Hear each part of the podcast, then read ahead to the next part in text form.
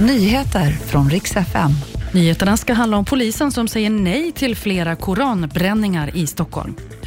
Och nu kommer stormen Otto. Imorgon drar den in över västkusten. Stormen Otto är på väg över Sverige. Imorgon under fredagen då tar den sig från Danmark och in över västkusten och Sverige.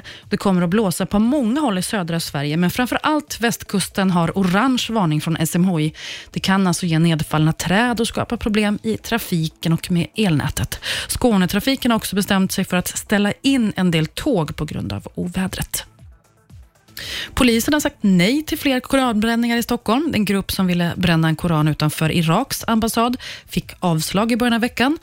Säkerhetspolisen säger nej eftersom man ser att det här ger en ökad hotbild mot Sverige. Och regeringen inför en ny flaggdag i Sverige. Vad kan då det här bli för en skojig högtidsdag kan man ju tänka sig. Ja, det ska flaggas för valet i Europaparlamentet. Kanske man inte trodde, men regeringen tänker sig att det här ska vara ett bra tillfälle att vi kan fira demokratin. Ja, vi får väl se hur festligt det blir. Det var i alla fall nyheterna. Jag heter Maria Granström.